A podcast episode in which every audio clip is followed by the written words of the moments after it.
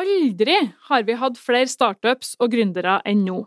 Likevel så sliter de aller fleste med å finne veien inn i det offentlige huset. Hvorfor er det så vanskelig? Er ikke på tide nå å slå inn noen dører snart, sånn at flere kan få bli med i det gode selskapet? Og kanskje er det det som er i ferd med å skje? Jeg har nemlig hørt at Trøndelag fylkeskommune har spennende ting på gang med innovative anskaffelser og fleksibel bruk av eksisterende regelverk. Jeg gleder meg til å få dagens gjest, Erlend Solheim fra Trøndelag fylkeskommune, på besøk, for å høre litt mer om hvordan de har slått hull på den ugjennomtrengelige muren og starta jobben med å tenke annerledes. Dette er Teknoport sin podkast.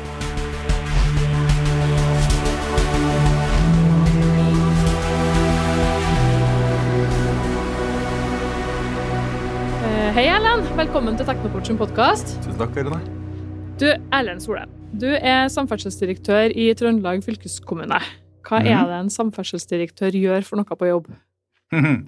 En uh, samferdselsdirektør er, i en fylkeskommune er, en, eh, er litt sånn mellom barken og veden. er eh, delvis så driver jeg da en samferdselsavdeling med folk som, eh, som jobber med å levere eh, kollektivtjenester og bredbånd og båter og busser og litt sånn.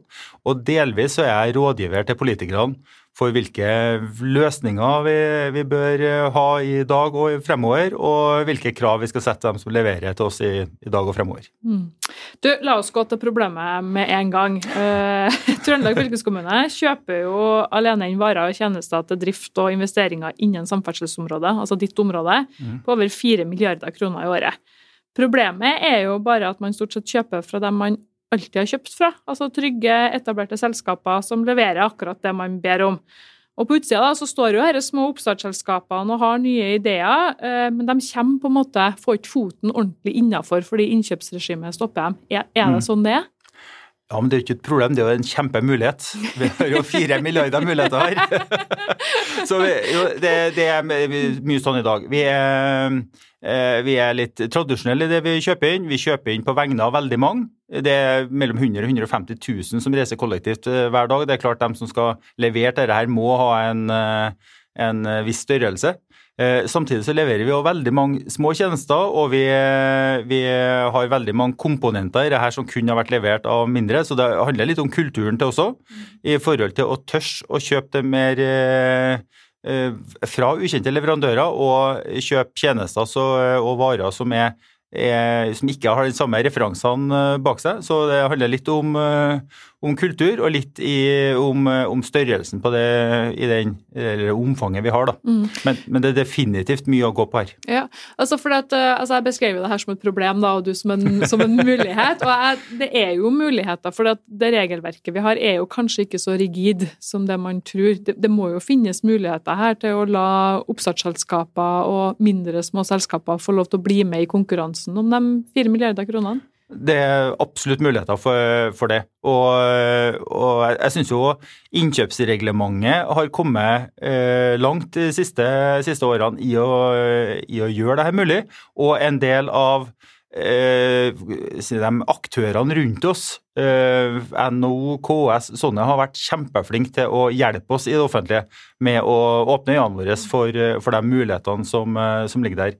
Og, og vi har definitivt gjort en jobb sjøl der eh, med å bli bedre på det her. Med å eh, sprenge litt grenser og tørs å være eh, litt gæren og etterspørre det som ikke nødvendigvis er sånn mainstream eller det som finnes. Eh, og vi har fått en fantastisk støtte fra politikerne våre på det her, for det, det krever minst like mye mot der. Å sende oss ut på glattisen og eh, akseptere at vi kan mislykkes. For det er jo en eh, større risiko for når du, eh, når du begir deg ut på det ukjente, enn mm. å bare velge det trygge. Ja, for vi kan jo kanskje ta, ta utgangspunkt i et eksempel her. Um, for det som du, du er jo samferdselsdirektør og har ansvar for hurtigbåttilbudet, f.eks. Mm. Uh, og hurtigbåtrutene er jo ute på anbud, eh, og Mhm. de forbruker jo en del drivstoff og slipper ut ganske mye. Uh, og da tenkte jo dere her må vi gjøre noen ting. Mhm. Eh, Hvordan bruker man kreativiteten da, når man skal prøve å få ned utslippene på hurtigbåtene og, og involvere både forskning og utvikling og små selskaper? Ja, Vi ble jo egentlig påtvunget for vi hadde noen politikere som vedtok at de skulle halvere utslippene våre. Det var vel en jordklode som kanskje mente at det var nødvendig? Ja. de, var, de har fått noen hint. Ja. og så hadde vi politikere, men det var faktisk allerede i 2013, så sa de at nei, vi skulle halvere våre utslipp for at de skulle kunne sette krav til, til Trøndelag om å halvere liksom, utslippene rundt oss. Eh, og Da måtte vi starte med oss sjøl og gå dypere inn i oss sjøl enn det vi skulle forvente av, av, resten. Og Da måtte vi jo selvfølgelig analysere våre egne utslipp, og så fant vi ut at 90% de kom fra transport. Uh, og vi så på hvor da fra transporten her kom, og så vi, så vi til våre sjokk at en tredjedel kom fra 600 busser, en tredjedel kom fra seks ferjer, og en tredjedel kom fra fem hurtigbåter. Mm. Så hva vi gjorde med de 600 bussene hadde ingen betydning. Vi er tilbake i, eh, i Sør-Trøndelag mm. her nå, så vi er jo omtrent dobbelt i omfang i dag av det der, men, men bildet er fremdeles det samme. Hva vi gjør på landjorda med utslippene fra fylkeskommunen har ikke veldig stor betydning, det er det vi gjør på sjøsida som, som, er avgjørende. Og da visste jeg vi, vi måtte gjøre noe med ferjene våre, vi måtte gjøre noe med hurtigbåtene, men vi visste jo ikke hva. Eh, det som er veldig gunstig her, er at eh, i motsetning til busser som gjerne får fra Kina eller eh, sør i Europa, så, så får vi båtene fra, fra nedover kysten her. Mm. Og jo mer klimavennlig og mer teknisk avansert de er, jo nærmere oss kommer de. Fra. Så, så, vi fikk hjelp av NHO. Torde å gå på podiet og, og, si at vi vet ikke hva vi skal ha, men vi trenger litt hjelp til å få vite. det. og invitert næringa helt sånn åpent. Og det kom et sekstitalls eh, representanter fra norsk maritim næring. Veldig mye trøndere. Jeg er helt sjokkert over å se hvor mange fantastisk dyktige næringsaktører det er bare noen steinkast rundt oss her, som sa at her får vi til. Gi oss utføringene, så, så, får vi til dette her. Så, så, vi så jo at de var jo i mye bedre stand til å si hva vi trengte, enn det vi var. Mm. Eh, og Dermed så slutta vi egentlig å, å, si hva vi trengte. Vi, vi, sa litt om hva behovet vårt var, og, og, litt sånn, og så lar vi dem si hva vi, hva vi, trenger å kjøpe inn. Og så får de konkurrere deretter da, på å levere det. Mm. mm.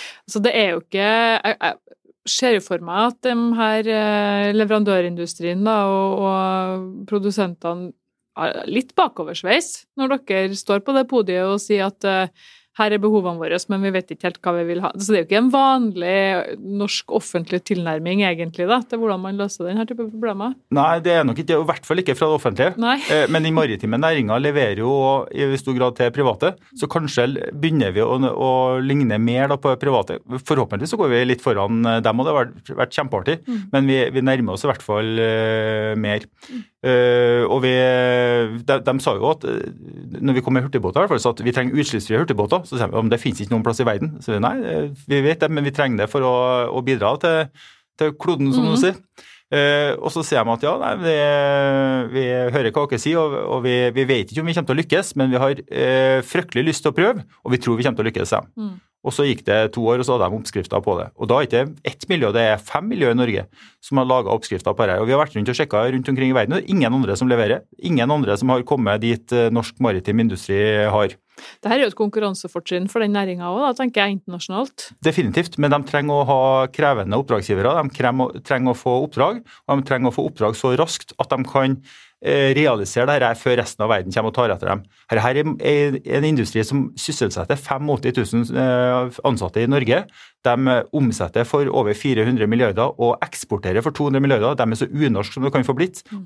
Annenhver krone som de omsetter for, sender de, til, eller sender de varer for til utlandet. Det er en fantastisk eh, industri. Og selvfølgelig må vi i det offentlige prøve å trigge dem sånn at de kan opprettholde den konkurransekrafta. De var først ut med, med gassfartøy. Norsk maritim industri var først ut med å lage en båt som kunne gå til USA. Vi fant uh, Amerika 500 år før resten av verden fant ut at det var et kontinent der. Så vi har jo hatt et konkurransefortrinn lenge. Mm. Og så skal vi prøve å uh, dem dem til å opprettholde den eh, gjennom at de får levere fantastiske løsninger til, til oss, bl.a. i det offentlige. Så kan ja. de kommersialisere det med å ta det ut til det private i ettertid. Ikke sant. Du, eh, det, her, det, var jo noen år siden de kravene her ble, ble stilt og behovet meldte seg. Altså, Hvordan ser det ut i dag, da? Hvor langt har dere kommet? Vi fikk jo de første hybridferjene i, i Norge, de første nybygde i hvert fall. Eh, vi var veldig parallell med, med Hordaland eh, der på her, så de kom vel omtrent samtidig, men våre var Litt først. Én centimeter foran, foran Bergen. så, så, vi fikk de første hybridferjene. Eh, de går jo, Flakk Røvik og, og Brekstad Valseth. Eh, det var ei dame på NTNU som tok masteren sin på å analysere effekten av denne i en livsløpsperspektiv i fjor. Og Hun konkluderte med at de kutta klimagassutslippene med 89% i forhold til om vi skulle bestilt nye dieselferger i et livsløpsperspektiv. Hele bygginga av ferja var nedskrevet sånn klimamessig på sju måneder. Uh, og Da er det, det ferjer som er bygd på Møre og fylt med teknologi fra, fra Trøndelag. Uh, Bl.a. med batterier fra den uh, batterifabrikken som Siemens-konsernet bygde i Trondheim, fordi at kundene etter sånne batterier var i, i Midt-Norge. Ja. Da, da, starter man jo egentlig sant, med et behov som en offentlig aktør har, som Trøndelag fylkeskommune. Vi har et mm. ferjetilbud på Flakk-Rørvik, vi må få ned utslippene. Mm. Og det resulterer altså i, i ei faktisk ferje som eh, har det resultatet man krever, men også at internasjonal industri som Siemens velger å legge sin batterifabrikk her. Ja, for de ser at dette her kommer, og det kom først her. Ja. Uh, og da var vi jo heldige ut. Det var flere fylkeskommuner som samarbeida om det her og var liksom tidlig ut uh, samtidig. Og det var først og fremst vi og Vestland. Og så har vi lagt en standard som alle sammen følger. Det er jo ingen som, det er som, som biler, det er ingen som omtrent tør å bestille seg en dieselbil sjøl lenger, sånn ny i hvert fall, og samme er det på ferje. Mm. Så, så, vi har fått et, det teknologiskiftet som vi, som vi trenger der. Og denne næringa er Potensialet i den er gedigent. Eh, ferjer og hurtigbåter er små fartøy som er naturlige sånn prøvesteiner for næringa først. Men de 16 største skipene i verden står for like mye miljøutslipp som hele verdens 1 milliard biler. Mm. Så, så, hva vi gjør med én milliard biler, eller hva resten av verden gjør med mm. sin, ja, den, den, den, milliarden som de produserer av biler, det kan vi kompensere med med 16 båter hvis vi trigger norsk industri til å lage løsninger her. Det er ingen andre som, er, som greier å lage de løsningene i dag. Mm. Du, kommersialisering, det kan jo på mange måter være så mangt. Eh, hva er det du tenker når vi snakker om kommersialisering, hva betyr det for deg? Å tilrettelegge for at eh, leverandørene våre ikke bare kan levere til oss, men at de eh, deretter kan levere dette til, til resten av Norge og helst resten av verden. Mm. og Der er jo sjøtransporten en, og sjø, eller maritim næring en fantastisk eksempel på det. For, for vår del så har vi helt andre verdier av å trigge en, en lokal industri. Eh, for eh, hvis vi etterspør en elbuss, da, så får vi den levert fra Kina, og da, da har vi den bussen, punktum. Mm. Og vi får nytten av eh, akkurat den bussen. Men hvis vi bestiller en elbåt og får den produsert her, så kan de òg Eh, levere de samme type eh, båtene til resten av verden, og du får en, en global eh, klimaeffekt på det. Mm. Samtidig så får du en eksportverdi og en sysselsettingsverdi i Norge. Så du, du får egentlig en, en litt sånn Kinderegg-effekt mm. på det. Mm. Det forutsetter jo at vi ikke ber om sånn skreddersøm at den ikke kan brukes til noen andre. Så, så det er liksom offeret for, for vår del. Ja, for det er man jo litt vant til som offentlig aktør, at man gjerne vil ha det akkurat sånn som man har bestilt det. Ja, er det. Uh, og vi har, vi har jobba en del med oss sjøl for det, å ikke være opptatt av detaljene. Vi sier at vi skal være teknologinøytrale. Vi skal basere kravene våre på funksjon, det som det skal dekke. Uh, og så skal vi la leverandørene uh, løse dette på, på, best mulig måte, og på en måte som de da òg kan løse det på samme måte overfor andre. Mm. Da er vi med å dele regninga på utviklinga med, med, flere, og vi skaper et mye større potensial for, for industrien enn det de ellers ville hatt det eneste lille offeret vårt da, at vi kan ikke være opptatt av detaljene og, og sånn på det. Og så er vi egentlig ikke kompetente til å være opptatt av detaljene. eller skulle bestemme detaljene. Ja, vi liker gjerne å tro det. Og når du skal kjøpe noe, kjøpe en båt til 100 millioner, så skulle du gjerne ha sagt at den kula der skal være i, i sølv, og den, den trappa der skal være i, i, svart. Men det har egentlig ikke så, så stor betydning. Du, et eksempel på denne skreddersømmen nå, er, er, som man har vært vant til i alle år, er jo fra Gjøa. Mm. For man har vært vant til at det skal gå en ferje, er det ikke? Ja. ja. Eh, og så skulle man ha nytt. Ja. ja. Og da tenkte man at det skal være en ny ferje. Men hvordan tenkte dere da? Nei, De som bodde der, ville jo egentlig ha bru, ny bru. Ja. Eller ny bru, de ja, ville ha bru. bru. Som alle andre på øy, tror jeg. Ja. Ønsker de primært bru, sånn at de har eh, en, eh, en forutsigbar tilgang til land alltid.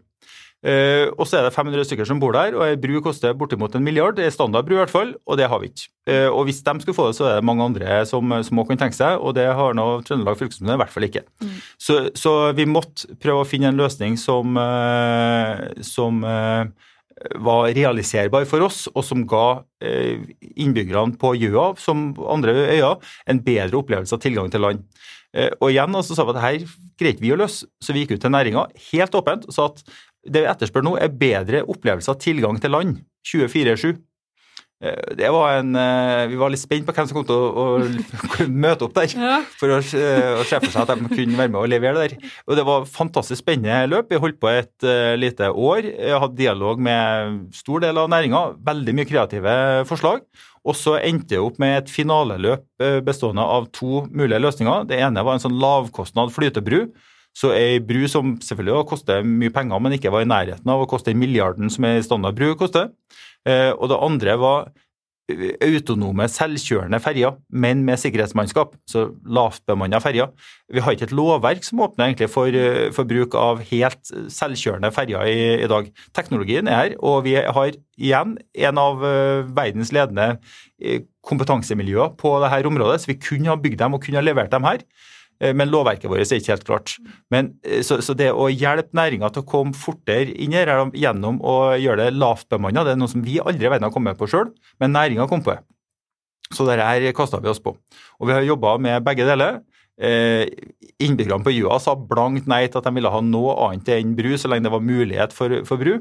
Eh, vi, og vi sa at vi kan ikke invitere verdensledende teknologimiljøer til øy der de kan risikere å bli møtt med protestmarsjer når de kommer. Eh, så vi satt da får vi gå videre med, med eh, bru så langt det, eller å sjekke om det er realistisk inntil det eventuelt viser seg å ikke være det. Og så må vi finne på noe annet med, med de lavtbemanna ferjer. Ja. Da kom Levanger på Da ringte de og sa at vi hører om noe spennende her, vi har fryktelig lyst til at dere skal komme hit. Ja. Så, så, vi flytta det konseptet til Ytterøya. Så nå jobber vi med, med, å se på om vi kan få til ei lavtbemanna autonom ferje der. Og da har vi selvfølgelig igjen av det autonomimiljøet her. Eh, som er på, på, banen og er klar for å løse, løse det. Så igjen, vi, vi, kan få noe fantastisk bra.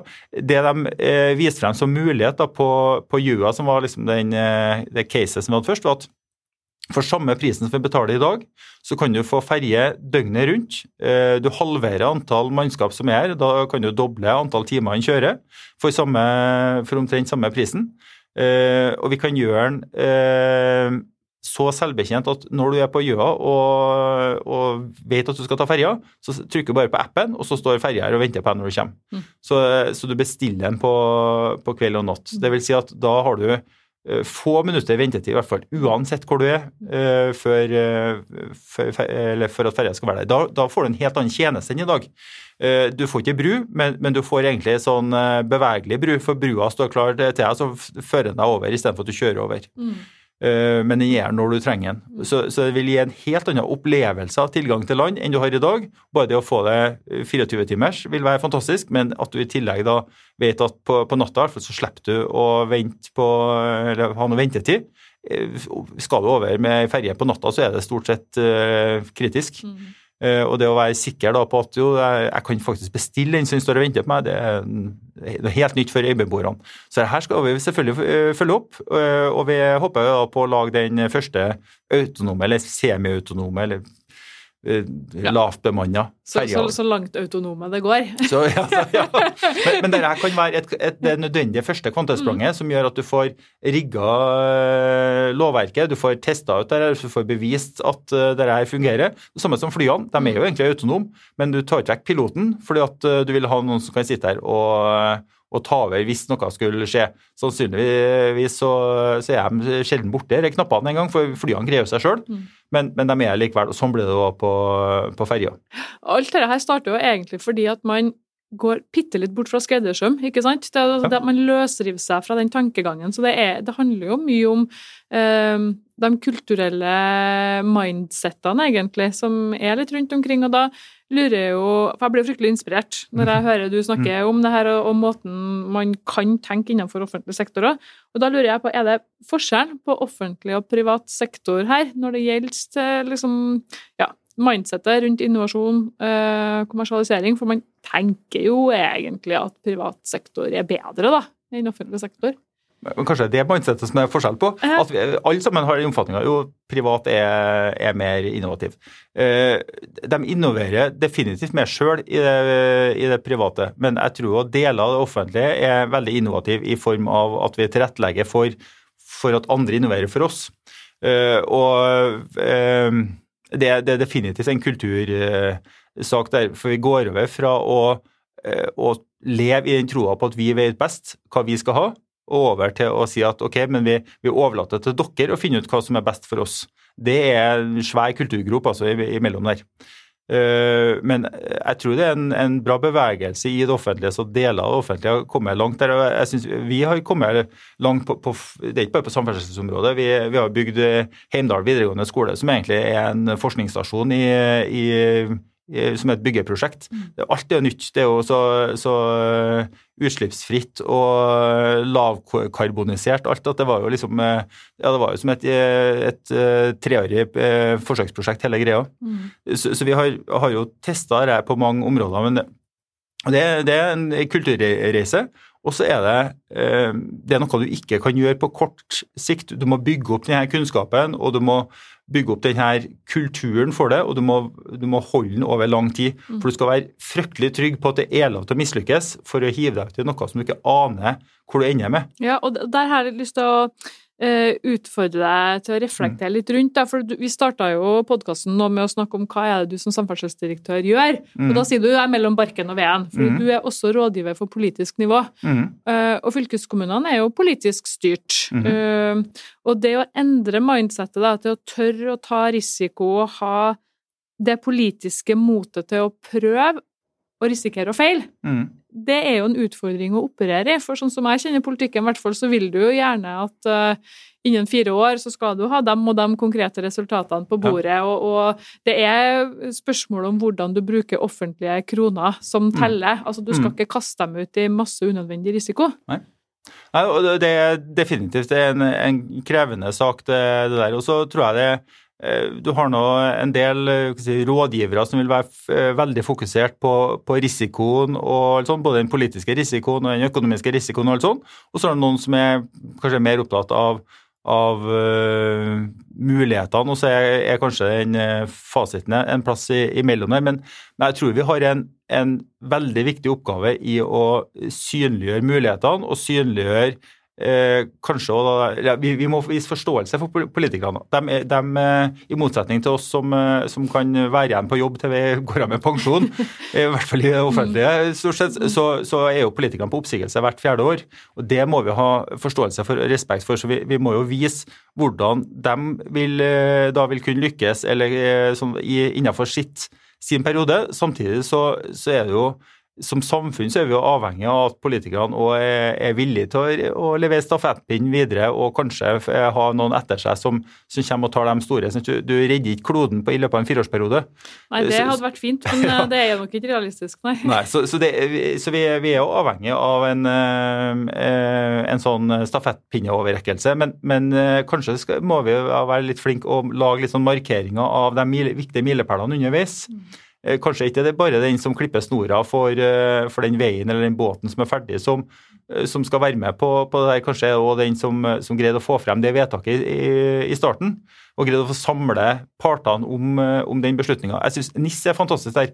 De eh, hadde et eh, jævlig trafikkbilde for en del år siden, og så var det en borgermester som sa at nei, her skal vi bygge by- Bybanen. Skulle stenge hovedgata gjennom eh, NIS i noen år for å bygge bybane isteden. Eh, Det var, om det var et helvete i forkant, så var det et mye verre helvete underveis. Eh, og så bygde de det her, og så eh, fikk vel, var det vel så mye trøbbel at vedkommende ble ikke gjenvalgt. Og så kom nestemann, og isteden for å begynne å gjøre om, eller sånt, så, så tok vedkommende stafettpinnen videre og bygde dette her videre. Så de bygde på liksom planen fra forgjengeren, på tross at den egentlig var en konkurrent. En fantastisk eh, historie. Det er jo litt sånn som vi ønsker. også for det kan være krevende. eh, Det er politisk, men vi som er liksom i et rådgiverapparat, vi må prøve å tilrettelegge for, for det. i hvert fall, Og så må, må man få litt sånn eh, honnør for den jobben man gjør underveis, i, og ikke bare samle opp alt til, til snora klippes. Du Erlend, du har jo fortalt om mange suksesshistorier nå, mens vi har sittet her, egentlig, som dere har fått til. Men når man har prøvd så mye, da, og utfordra seg sjøl så mye, har det vært et eller annet mageplask underveis, eller noe som da ikke gikk sånn som dere gjerne skulle ønske? Altså risikoen her, da. det, det er jo det. Alltid. Og øh, jeg syns vi, vi, har vært øh, heldige og forhåpentligvis litt, litt flinke, for vi har ikke hatt, øh, har ikke hatt noe avgjørende sånn, sånn mageplask, men det er mange mageplask underveis. Og det aller meste har vi jo ikke fått ennå. Uh, vi har noen godsterminal og noe sånt som er, som er forferdelige greier, som vi har mageplasker kontinuerlig i 30 år på. Så, så, vi har jo mye mageplask. Eh, på eh, det med på, på ferjene så er det en kjempesuksesshistorie nå når vi sier at vi har kutta 89% og alt sånt. Eh, det var jo et press for at det skulle være helelektriske ferjer i, i starten her. Og så endte vi opp med, etter gode råd fra næringa, eh, der det òg var råd fra andre deler av næringa på at det skulle være helelektrisk, at, at her burde vi ta, ta hybrid. Eh, og så endte vi opp på det, og hvis det ikke har vært for det, så har vi kommet til å innstilt tre av fire avganger første året. Eh, vi hatt kjempeutfordringer med teknologien, det var også mye trøbbel. Men de partene som var med og leverte dette, og vi, da, vi greide å holde oss veldig godt sammen, på tross av at det var nesten syns at alt røy rundt oss ikke noe funka.